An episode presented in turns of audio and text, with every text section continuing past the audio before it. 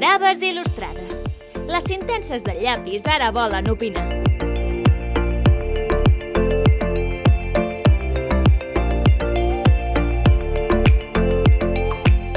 Hola, jo sóc la Marta Bellveí. I jo sóc l'Anna Grimal. Aquest és el primer episodi del nostre podcast, Braves Il·lustrades, i començarem presentant-nos, no, Anna? Tot i que també et dic que no sé si ens aguantarà algú més, tret de les cinc amigues que ens, agu ens aguanten el, els àudios de, de més de 4 minuts. Mm, jo no sé si ens aguantaran, però bueno, ho, ho estem intentant, no, Marta? Sí. Tu t'agraden els àudios llargs? M'encanten, o sigui, m'encanta fer-los, no m'agrada escoltar-los, però a mi m'agrada escoltar-me a mi mateixa, això sí, eh? A mi també. O sigui, a, a mi m'agraden eh, també els àudios llargs, depèn de com. Jo me'ls poso així com per anar dibuixant, bueno. Sempre... Bueno, rotllo podcast, no? El que avui venim a fer. Exacte, una mica rotllo podcast. El que no suporto, però, és que vagin donant voltes, això, això sí que no. Això... Home, mm, too much. I així, doncs, a tu t'agrada escoltar-te, no? Els sí, àudios? per veure si faig gràcia. Jo crec que ho fa tothom, a veure, això una mica, no? És molt habitual. No bueno, sé. Nosaltres tampoc sabem ben bé avui si farem gràcia o pena, però Aquí estem. això és un experiment, almenys el que intentem és que sigui entretingut i, mira, i passar una mica l'estona. No, no, és que no som expertes en aquest tema, però hem vingut a posar els peus a la galleda, total. Sí, mira, i a parlar de les, de les nostres merdes, no, al final, Anna? Total, sí, sí, sí. I... Doncs bé, a veure, començarem presentant-nos dient una cosa que tenim en comú molt òbvia, no? Que som il·lustradores. Sí, que ens passem el dia fent dibuixets, com diu la gent. Sí, que diuen algunes persones. I és curiós perquè la gent que tenim feines així creatives, no sé si, si ens passa molt, però trobo que ens definim molt a través de la nostra etiqueta de, de feina, no? En plan, hola, sóc il·lustradora. No sé si a l'altra gent li passa, però potser és perquè també ens costa diferenciar el que és feina el que no és, i al final sembla com que se'ns acabi menjant. Sí, l'etiqueta...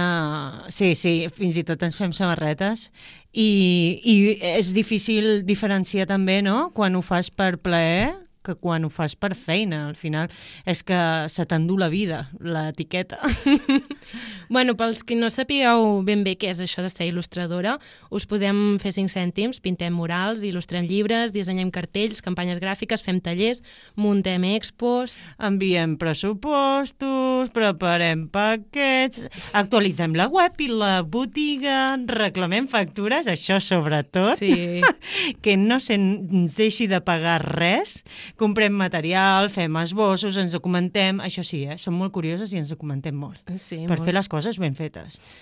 I inventem, bueno, i això ja és tot un melón, Sí. que és lo de les xarxes, eh? Uh, contestar missatges i, Bueno, bueno, i tot- fer coses creatives per les xarxes. Sí, ara tota, tota aquesta última part vindria a ser com la part més pal Més de ser xunga. il·lustradora, és veritat. A veure, tampoc hem vingut aquí eh, a parlar exclusivament de la nostra feina, eh? Uh, però és veritat que això ens va unir i que ens encanta compartir experiències i rajar del nostre ofici. Rajar, sobretot.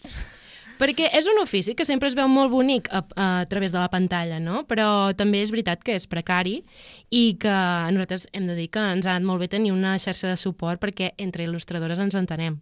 Sí, és com teràpia. I, bueno, i així ens eh, passen aquestes coses que acabem fent un podcast, qui ens ho anava a dir. Sí, no? Sinergies, no? que diuen les expertes d'emprenedoria. Bueno, això també és un tema que haurem d'obrir en un altre episodi, no? Què comporta el fet d'emprendre. Uf, sí, sí, dona per tot un capítol, eh? bueno, i, i... Ah, podríem fer una mica així com com què ens agrada, no? Explicar una mica dos cosetes que ens agrada, no? O, sí, com, com, Mira, tipus, jo sóc miop i sóc addicte a la xocolata. com dues coses teves que no tinguin a veure. Res a Vale. veure i que no he explicat mai. Vale, doncs això Secretos. de miopi i addicte a la xocolata, de moment ja ho compartim. Ah, veus? això ho tenim en comú, bueno, així com per dir-vos alguna eh, que estic bastant orgullosa, sóc molt bona matant mosquits, i una cosa que no estic tan orgullosa, i sobretot perquè ara mateix estem a Palamós, és que no suporto el peix ni el marisc. Ah, Ai, és una cosa que m'he hagut de no ho sentir sabia. molt. Però el dels mosquits ja te trucaré l'estiu per les nits. Has vist? Mira.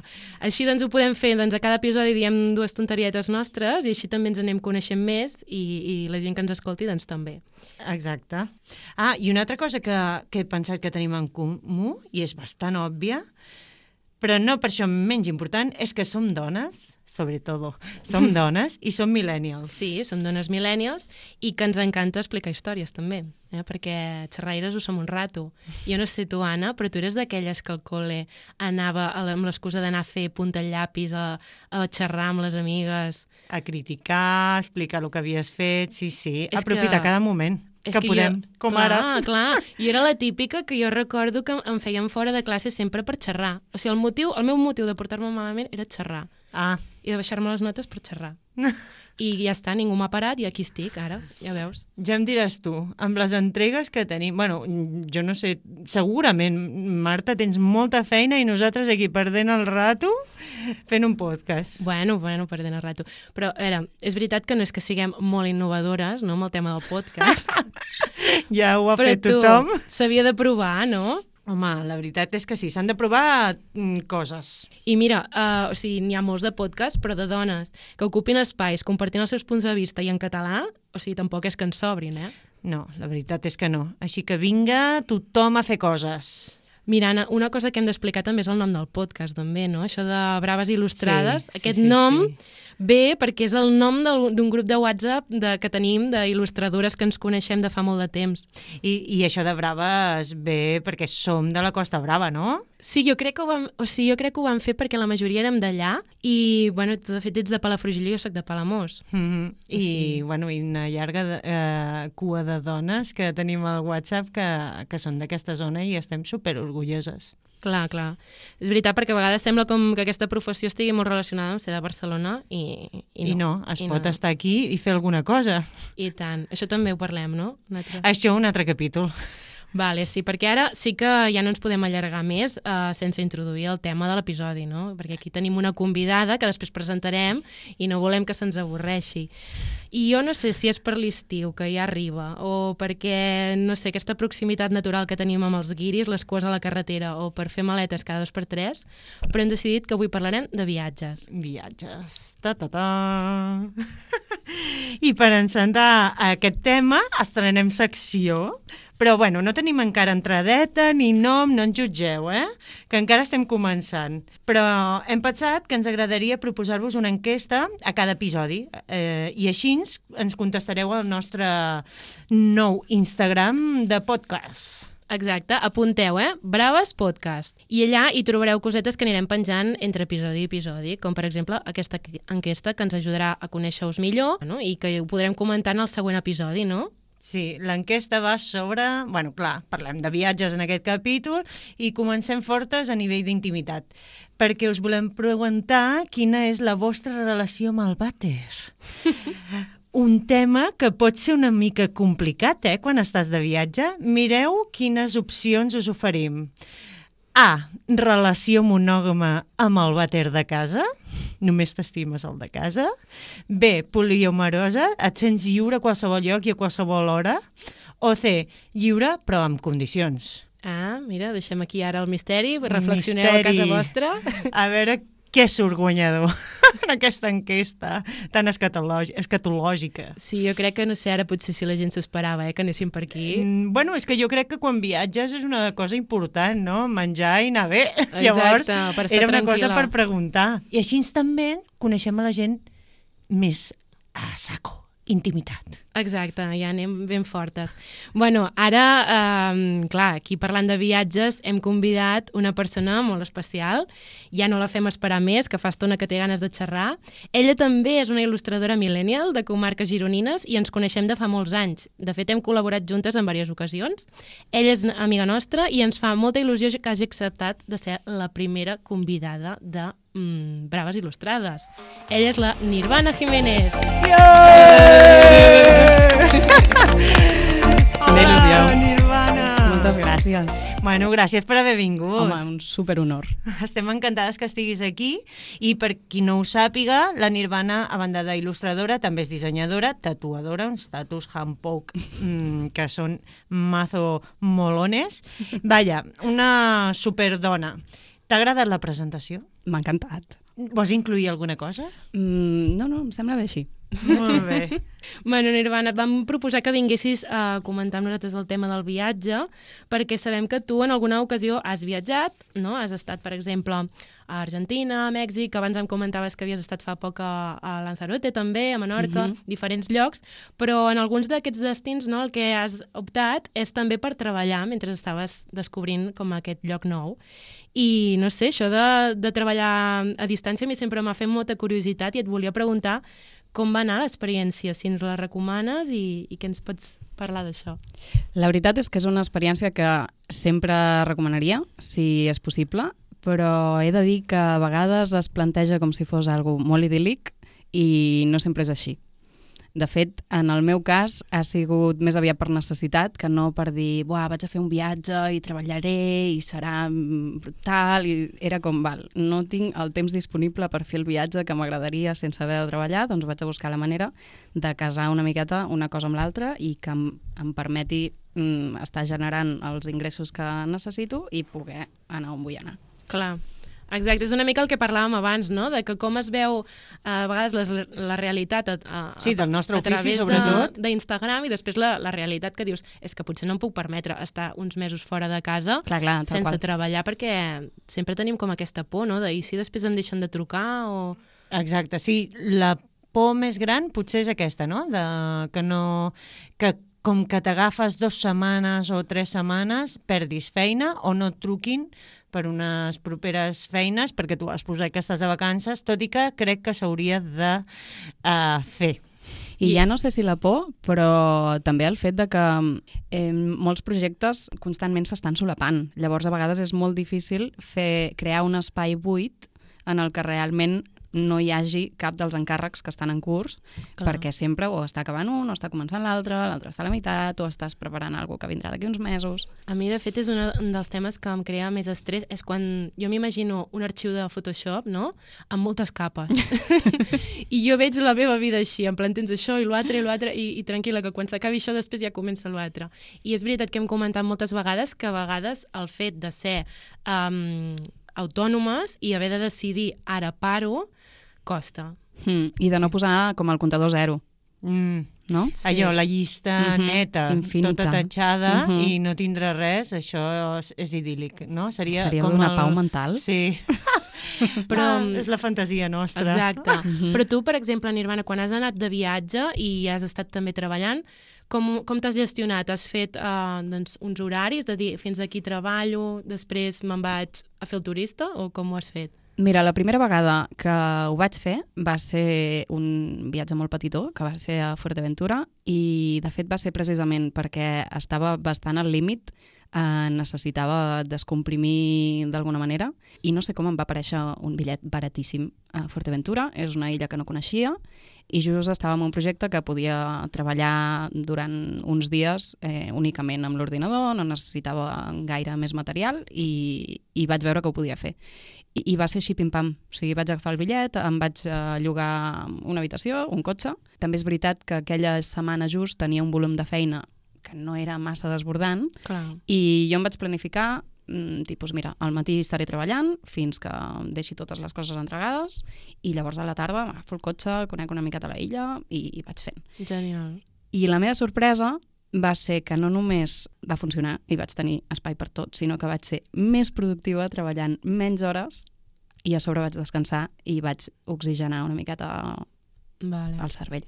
Clar, jo penso a vegades que se sempre ho he vist com algo bastant idíl·lic, marxar un mes o així a algun lloc i mentrestant poder anar a treballar, però no sé si m'estressaria també el pas previ, que és organitzar-te una mica la vida per fer-ho possible. I no tots els projectes que tenim ens ho poden permetre, perquè és veritat que partim d'un avantatge que moltes persones no tenen, que és que podem dibuixar a qualsevol lloc del món, però molt, moltes de les nostres feines a vegades són presencials, no? També, i, hem, i també hem d'estar amb el mateix horari per fer una reunió, o si fem, per exemple, un mural, doncs hem, no pots fer distància. De moment encara no tenim No. mitjans. Però, no, bueno, és, està, està clar guai. que jo crec que l'ideal és anar de viatge i anar de viatge i tindre vacances, però sí que és veritat que a mi m'ha passat que m'enduc la tablet per si de cas. Uh -huh. I això no hauria de ser. Ja. Exacte. Per mi és algo que no falla la maleta, Mhm. no? Sí, de, I depèn on te vagi, eh? També s'ha de dir que si és un viatge més gros o... Vaig fer un viatge, llavors ja vaig tancar les... un viatge gros de 20 dies i vaig tancar-ho tot i vaig dir, aquí s'ha acabat i me'n vaig de viatge. I amb el mòbil només. Però si vas més més pròxim, no? un Lanzarote, mm, cinc dies, que és, saps que és calma i platja i no hi ha gaire cosa per visitar i el que Sí. hi ha per visitar és per estirar-te, llavors la tablet me l'enduc i això no hauria de ser. Clar, no hauria de ser. Bé, a mi en aquella ocasió em va anar bé perquè va ser com, com un piloto, com un test. Ja, Allò, com a veure què passa. i va funcionar. La veritat és que sí. I llavors va venir Mèxic, al cap de no molt temps va venir Mèxic. Que va ser més temps, no? Van ser, de fet, allà sí que um, hi va haver una miqueta més d'organització. La primera gran sort que tinc és que tinc uns amics que viuen allà, si no, tot això no hagués sigut possible. Clar, és que t'anava a dir també, perquè han sigut Mhm. viatges que has organitzat tu sola. Exactament. Perquè si vas amb un grup Mhm. d'amigues eh, és com... Oblida tant. És molt estrany, no?, que de cop diguis, bueno, vosaltres aneu fent, eh?, que jo em quedo aquí treballant una no, no, estona. no, clar. jo crec clar. que t'hauries d'oblidar de la feina Mm, i disfrutar sí. Del viatge amb la gent. Però sí que és veritat que el que fa la NIR, no? si tens algú, tens un campo base i llavors t'organitzes, no? Tot i així, jo vaig separar a ella, el que passa que sí que em va permetre poder fer el viatge. És a dir, em, si no ho hagués fet d'aquesta manera, ni tan sols m'hagués pogut plantejar fer el viatge. Però el que vaig fer és estar dos mesos fora, un dels quals vaig estar treballant, però des de casa d'aquests amics, és a dir, jo feia molt temps que no veia aquests amics perquè, òbviament, no havia pogut viatjar mai a Mèxic. Vaig anar a visitar, vaig poder estar amb ells, eh, ens vam poder posar al dia i, i vam poder disfrutar molt d'estar junts una altra vegada. Ells també estaven treballant, per tant, fèiem mm, rutina diària. Coworking. Sí, exactament. I llavors, el tema és que vaig deixar els, els equips de treball, que això també em donava molta calma, i més en un país com Mèxic, Clar. eh, els hi vaig deixar tot, tot els equips de valor, diguem, a casa seva, i vaig agafar la motxilla i me'n vaig anar un mes a, a conèixer el país, i llavors al final del viatge tornava, passava tres dies més, ens despedíem i jo tornava cap aquí. Però el fet de poder estar treballant des d'allà em va permetre poder crear aquest espai per poder viatjar després i que Clar. aquest, eh, aquesta inversió dels bitllets i tot plegat doncs estigués com a més sustentada perquè si no doncs la meva economia la veritat és que no donava per mm, fer segons què. Clar. I tu, Nirvana, portes llibreta per dibuixar? Quan estava viatjant, Sí? la por portar-la la portava. La Fer-la cosa és servir... A mi em passa igual, eh, una mica. Però notes, per exemple, coses, idees... Perquè al Alguna final la, lli sí. la llibreta potser Mm. dibuixes més quan estàs asseguda a casa, més tranquil·la, no? Però sí que serveix com a inspiració, no?, els viatges. A mi em passa que, que com que no tinc molt temps disponible per Mm. viatjar, que, que m'alimenta molt i, i que disfruto molt, crec que m'acaba absorbint tant eh, el viatge i més si estic en un lloc desconegut i amb segons quina quantitat d'inputs, o sigui, Mèxic a mi em, em va fer explotar el cervell en molts sentits. I clar, sí que en, el, en algun moment la feia servir, escrivia alguna cosa, perquè jo a vegades, és curiós, però a vegades acabo sent més d'escriure o de fer mm, quatre esbossos Sobretot si o estàs de viatge, jo crec. Sí, però posar-me a dibuixar de, de moltes hores de tal, mm, estic coneguent el lloc i, i visitant tot el, Ja. tot el que puc. A mi em passa el mateix, que quan he fet viatges així llargs he fet l'intent, m'he endut el quadern, he fet algun dibuix, mm, perquè no sigui dit, A mi em passa igual, ha sí. ocupat lloc a la maleta per algun motiu, Mm. no? Però després, mm, sí, exacte, trobo que, que és forçat, no? Dic, ara, ara m'haig de posar a dibuixar quan... També perquè he fet viatges amb, amb algú més, no anava sola, eh? Llavors, clar, Que sents com que estàs, molt. Mm. estàs tallant una mica el ritme del viatge. I a part, dic, jo em passo tot el dia dibuixant, ara tinc ganes Sí, de, desconnecta de de fer feina. altres coses. Seria diferent si fos, eh, posem al cas, un projecte ja eh, pagat, no? que l'editorial, que això ho fan molt Ui, amb això els seria una còmics. meravella. pues això amb la gent del còmic, el món del còmic ho fan molt, no? que et paguen, tu vas al país i ja vas per això. Però clar, també tenim la sort de que pots fer fotos. Mhm. Fotos, idees, tal, pots Clar. fer allà com una documentació més, més gràfica o algun dibuix, però, bueno, si només vas per això, és, seria ideal, no? Jo, de fet, una mica és el que estic fent ara, amb una novel·la gràfica que estic fent. Estic recuperant fotos que tenia del viatge Mhm. i ara les estic com passant a dibuix o adaptant-les, però, clar, ja des d'un altre punt de tranquil·litat. De... O buscar Google Maps, no? També, Allò, també, perquè, per acabar de complementar. Clar, això que ara comentàvem del quadern, jo us haig d'explicar que jo tinc una, una experiència que m'està esperant al desembre. Jo me'n vaig de, de taller amb la Paula Bonet. Ah, Sí, sí, o Que sigui... interessant. Em va semblar Sí. superxulo perquè és el que estem comentant, que costa molt tu trobar la teva, el, el teu equilibri entre estar viatjant, estar gaudint d'una experiència i a la vegada estar dibuixant. I com que vaig veure que, que hi havia aquesta opció que oferia la Paula, de que anirem un grup de, de dibuixants i a veure, i a veure què ens trobem. Ja ens han organitzat com les, les coses que hem d'anar a veure i tot això, i serà molt interessant veure com totes ens posem allà a dibuixar, perquè ja és diferent, ja no és com anar amb la teva Clar, és una parella, altra o- dinàmica.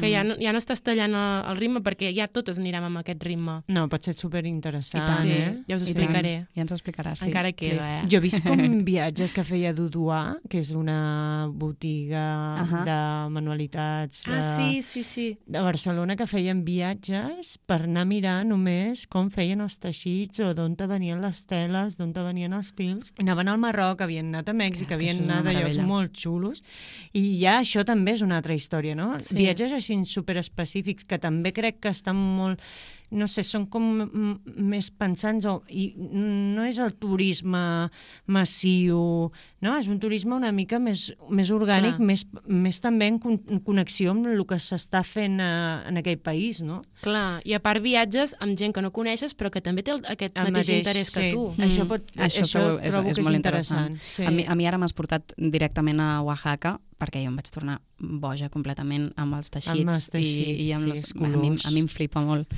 I clar, com que vas sol, doncs també tens, bueno, tens el ritme que, que vols. Exacte, sí. Clar, jo tota l'estona m'acostava a tallers, a de tot, m'ensenyaven com funcionaven els talers, els diferents tipus de fil, com tenyien amb, amb pigments naturals i clar, jo estava bavejant, o sigui, jo, jo el, que, el que gaudeixo més viatjant és això, la gastronomia, eh, la naturalesa, els diferents llocs, els, els artesans, la- l'activitat de, de cada lloc, conèixer la gent i al final és el que t'omple també. Sí, Per crec això, que estàs clar. més en connexió amb Sí. el que és la cultura i el país i, Mhm. bueno, i també estàs donant una mica de vida a el que és l'artesania, que això és un, una cosa que amb el temps no està perdent. No sé si al final s'acaba convertint un altre cop en un turisme de Clar, masses, dep- depèn no ho de- sé, però... Depèn del circuit, sí, bueno, totalment. tot són I coses... també penso que el fet també de, de quan vas de viatge, que normalment estàs com relaxat, mm, ja no estàs pensant ni en feina, ni en tot allò que has deixat a casa, i crec que això contribueix a que sigui un moment molt creatiu. No sé si us ha passat a vosaltres, però per mi,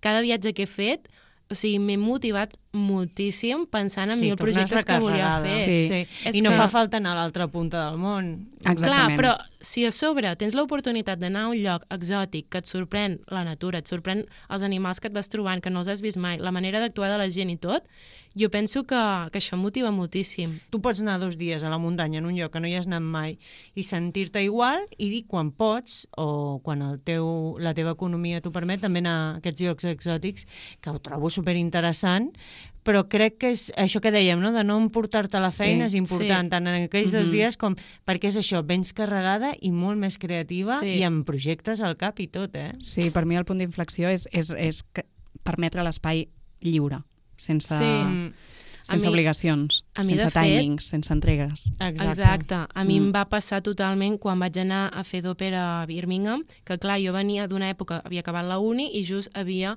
enllaçat en fer de becària. I va ser un moment que vaig dir, va, doncs, ja que no he fet un Erasmus ni res, me'n vaig uns mesos a fer d'òper i clar, estava tan acostumada de, de vinga la rutina del dia a dia, de treballar i, i de fer encàrrecs, que de cop mm, vaig pensar, ostres, tot això que estic vivint, no, com per primera vegada, que em trobo aquí com sola, fora del meu context, vull fer-ne alguna cosa. I jo, de fet, al principi, eh, estava tot el dia amb el quadern, aquesta vegada sí, anava tot el dia dibuixant, i pensava tornar a Barcelona i fer una exposició. I al final això es va convertir en una novel·la. Mhm. I, I en aquest cas sí que em vaig documentar perquè vaig tornar a Birmingham ja al cap d'uns anys i, i Amb vaig... la idea de la novel·la? És l'únic viatge que he fet sola i va ser Pensant tornar, tornar a Birmingham quan ja tenia la novel·la bastant a mitges per fer fotos, per si això acabava sent un llibre il·lustrat i per, per sentir una mica l'energia del lloc.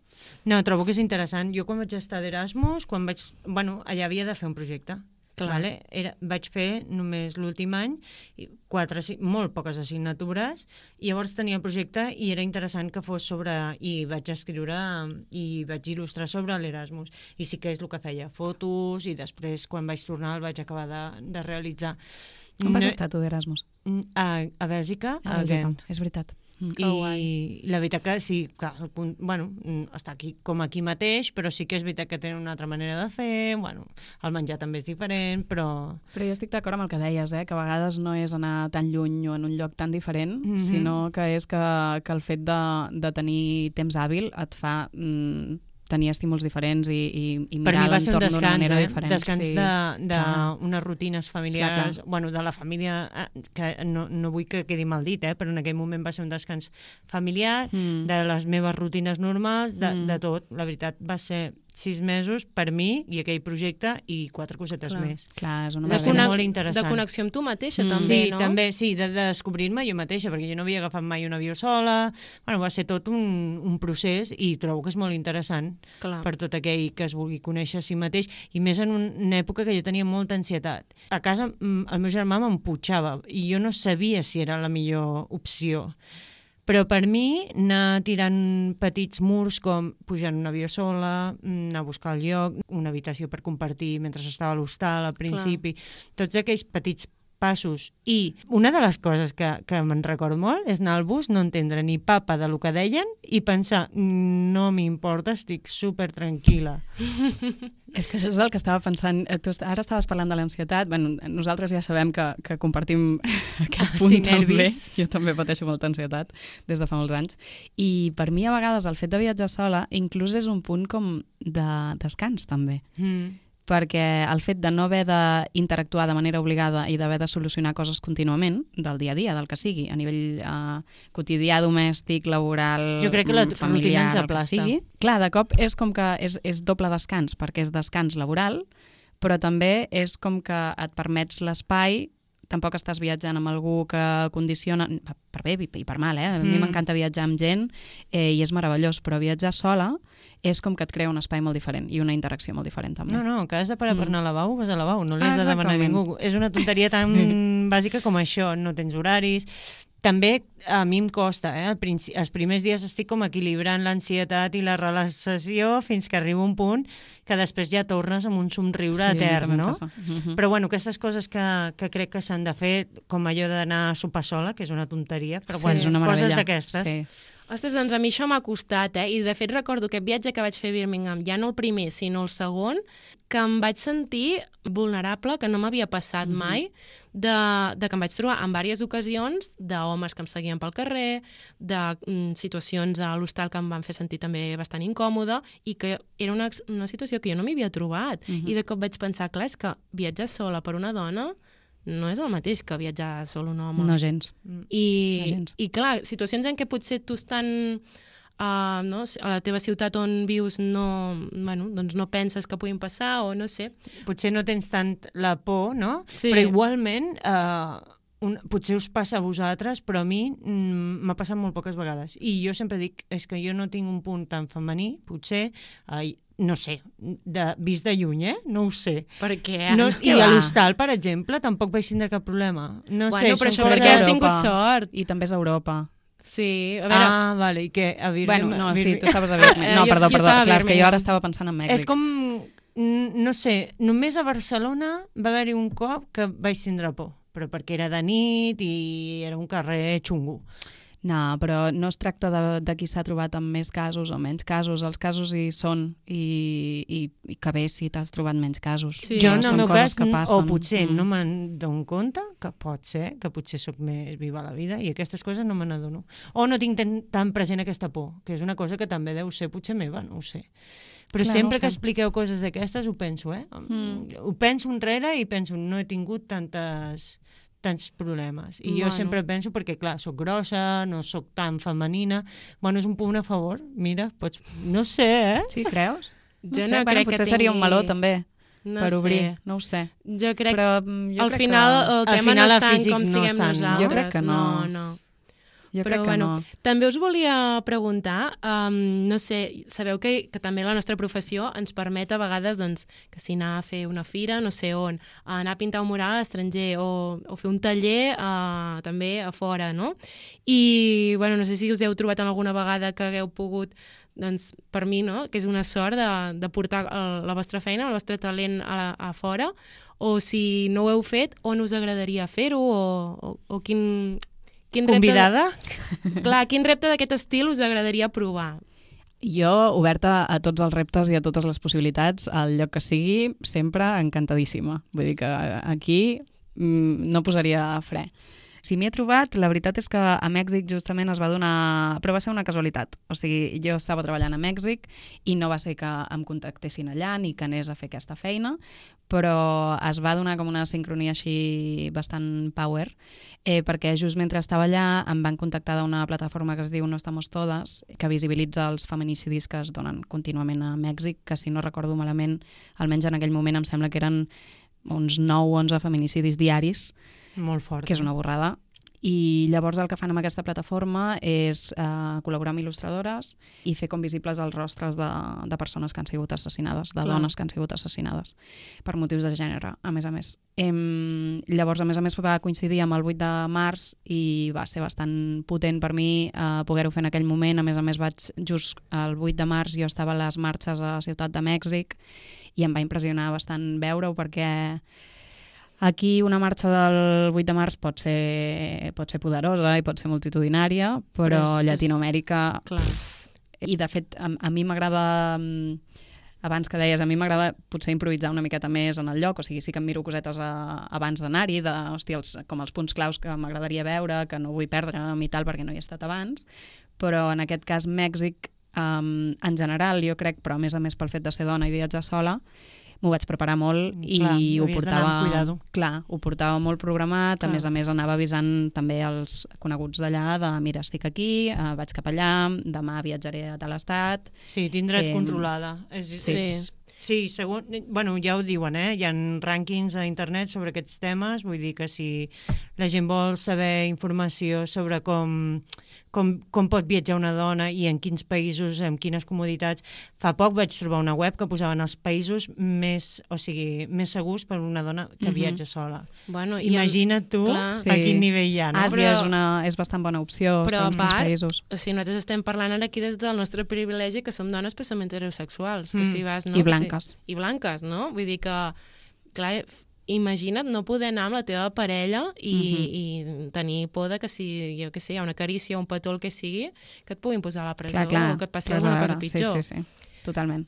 Doncs, bé. bueno... ah, De fet, perdó, ara que estàvem parlant d'això, uh, hi ha una app que no sé si segueix en funcionament, però quan jo hi vaig estar, hi havia una app que no recordo el nom, però si no uh, us la buscaré, que és justament per dones que viatgen soles. Mm. Eh, I té com un botó d'avís en cas de que et trobis en alguna situació crítica. Està guai, eh? I persones que també estan a l'app en la teva zona poden rebre aquest avís. I Jo, et poden acollir a casa o... Clar, jo quan a Sí. mi eh, m'han dit dones del meu entorn que viatjaven soles, he pensat que valentes, no? I no, no hauria de ser així, però, però ho trobo de valentes, perquè és, això, és el que parlàvem, no? Que et pots trobar en situacions doncs molt desagradables. També trobes molta gent que és una meravella, però sí, Clar. sobretot en, quin, en segons quins entorns doncs s'ha de vigilar. Sí. Sí, molt Doncs bé. parlant de, una mica sobre el tema de, de l'episodi, no? que és el tema dels viatges, i una mica enllaçat també a la nostra professió, la Marta i jo vam decidir buscar unes recomanacions finals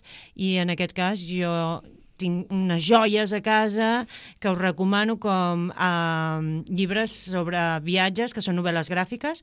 El primer seria Tres viajes, Tel Aviv, Buenos Aires i Turín, de Miguel Gallardo, Oh. que bueno, que és un, és un gran il·lustrador que, com tots sabeu, aquest any va morir. Si voleu eh, aprofundir en els seus llibres, aquest crec que era un dels primers. Després tinc també Quaderno de viaje, de Craig Thompson. És un gran il·lustrador, té molts llibres sobre viatges, també hi ha un que es diu Habibi.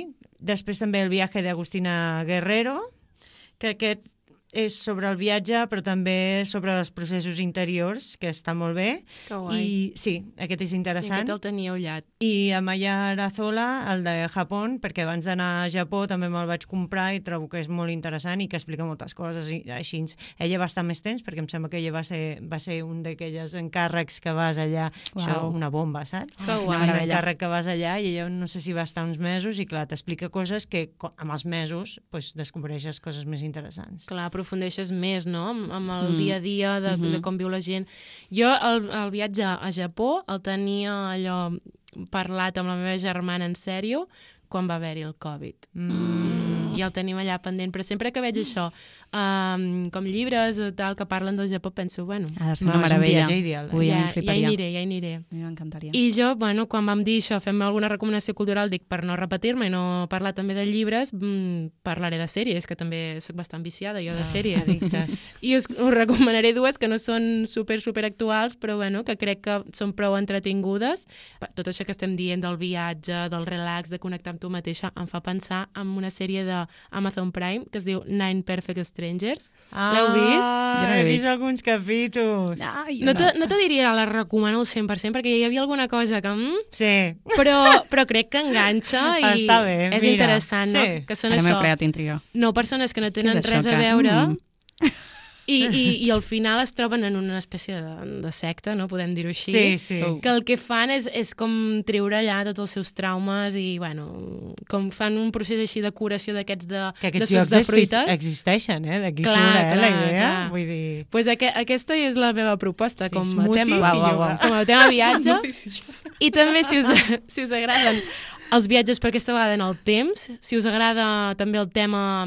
Ciència-ficció. No, no, tema naturalesa frondosa, amors apassionats... Oh! I tot això, no sé, o sigui, si us agrada tot això, heu de conèixer Outlander, no sé si la coneixeu, de Netflix. Ai, me Bueno, sona, però vist. no... Ui, ui, ui, no estic al dia, no estic al dia. Bueno, bueno, aquesta és així, d'aquestes també que enganxen. El que passa que estem aquí pen- pendents de la temporada 6, que no arriba a Netflix, o arribarà algun dia, però que si us agrada d'aquest estil també està, està bastant guai. I res, doncs, uh, bueno, Nirvana, també tu si ens vols comentar al- algun llibre o algun... Alguna cosa que pensis sí, que és super joia. i tant. Mira, a mi me n'han vingut dos al cap. M'ha vingut uh, Emigrantes de Xontan, Sí? que Xontan és, és de cabecera total, em sembla que per Mhm. totes nosaltres segurament. És un llibre preciosíssim, molt cru també, perquè al final parla de d'una migració, i, però podrien ser molts tipus de, de migracions, a més a més.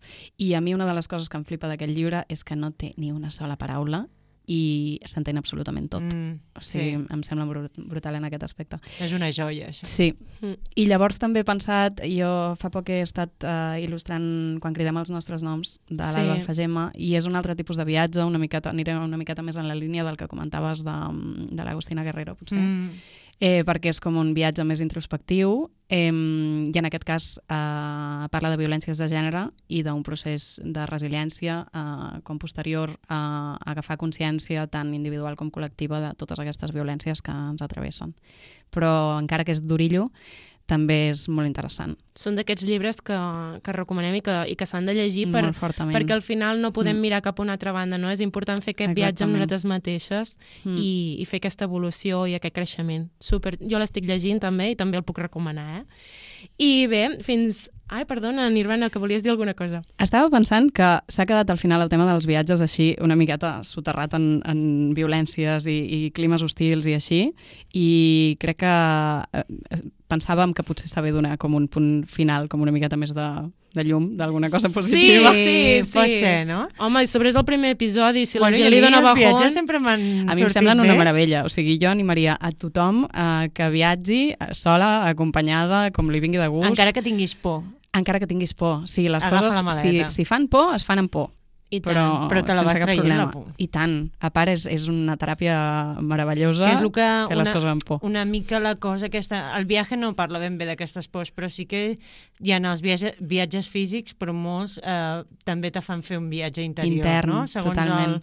el moment en què estiguis. Llavors és, Home, i és el- algo molt positiu. I jo el que comentava també de que valenta no només és perquè, pel que et puguis trobar a l'exterior, sinó que viatjar tu sola eh, per mi implica valentia també en, en acceptar aquest silenci, d'estar tu sola sí. tota Clar, l'estona. és que comporta Hi ha gent que no és necessàriament aquest, aquest viatge intern. O sigui, Clar. et, et, posa, et posa de cara amb tu mateixa i dius, va, a veure com estem, què tenim aquí. Clar, Mm. jo, jo recordo, per exemple, el primer viatge així gros que vaig fer, que vaig anar a Tailàndia amb una amiga, i va ser molt divertit, però res, faltaven dos dies perquè tornéssim cap a Barcelona. Vam conèixer una noia catalana que viatjava sola, ens va explicar la seva història, ens vam fer superamigues, i vaig pensar, que guai, no? Perquè, bueno, ella, per exemple, ens va explicar doncs, que, que havia tallat amb la seva parella, que portava tota la vida i que la seva passió era viatjar i havia enfocat la seva vida en això, no? I, i cada any feia un viatge d'aquests llargs, no? Uh -huh. que, que es podia permetre i que se'l dedicava a ella i, i anava sola, i anava fent amics. Jo pensava, hosti, No, és que d'Erasmus, eh, em sembla que a Dublín vaig trobar també un, un australians ho fan molt, això. sí. Mm. Tenen com una cultura Sí, sí, sí. Llavors, gent tenen així te'n trobes quan viatges sí. i quan viatges sol tens més sort de connectar amb aquest tipus de gent. Clar, I trobo que és, que és guai. Mm. I de fet, jo quan vaig estar a Birmingham fent d'au pair, recordo que, que també hi havia moltes noies uh, alemanyes que s'ho agafaven sempre aquest, aquest any no? de- d'impàs entre institut i ja, si vols no, Sí, escollir és una carrera universitària. Amèrica també ho fan, no? Sí, i això va ser molt guai. Bueno, I de fet, eh, aquesta cosa de, doncs, de sempre de, de, bueno, de buscar la productivitat, de vinga, ja el camí que ja tens marcat i tot és el que em va impulsar a escriure Bruna Brown. No? El fet de dir, ostres, doncs, doncs hi ha una altra opció, no? No és tot seguir el camí ja fet, sinó de dir, doncs, bueno, anem a provar, anem a viatjar, anem a conèixer altres és que el persones. camí pot ser uh, una pujada, una baixada, un Mm, revolt, vull dir, Totalment. no? Al final... Clar. I amb tot això que comentàvem abans, amb, amb aquest grup que ens uneix i, i que, que ens ha fet tenir aquesta relació i aquest punt de suport que em sembla que a vegades ens va tan bé a nivell professional, i jo crec que el viatge també és un és una nova perspectiva supernecessària, o a vegades un, un petit o gran canvi de perspectiva del punt en el que estàs, Mm. que, que et fa um, redimensionar també les coses, eh, posar-les al seu lloc i, i, i veure realment què és lo important, què és el que no i, i què cal canviar o, I o prioritzar. tant. O sigui, us ho recomanem. Sempre Viatgeu. Viatgeu. Tot el que per, pugueu. favor, per favor. Sí. Sí. Mm, tots els diners que tingueu, vinga, viatjar. doncs bé, fins aquí, ja no ens allarguem més, a l'episodi La d'avui. turra. Moltíssimes gràcies a totes les que ens heu escoltat fins aquí, els que heu arribat. Ja és molt. Us Sí. donarem un carmel. I res, volem agrair a Ràdio Palamós i a en Litus que ens han ajudat a fer aquesta gravació i gràcies, Nirvana, ja ho saps, una vegada més per haver-te deixat enredar. Ens ha encantat deixar el llapis per una estona, així una mica de vacances, aquell llapis. A la piscina. Gràcies a vosaltres. I ens tornem a trobar d'aquí un mes. Aquí estarem una altra vegada i mentrestant estarem encantades de rebre el vostre feedback a Instagram. Ja sí, sabeu us que... llegirem. A veure quina és la proposta que Recordeu que tenim una, tenim una Jo enquesta, tinc molta eh? curiositat, guanya. eh? Sí, enquesta. A Ho veure. comentarem al pròxim episodi. Recordeu, Braves Podcast. Cacao. Enquesta facao. Vinga, fins aviat. Adéu. Adéu.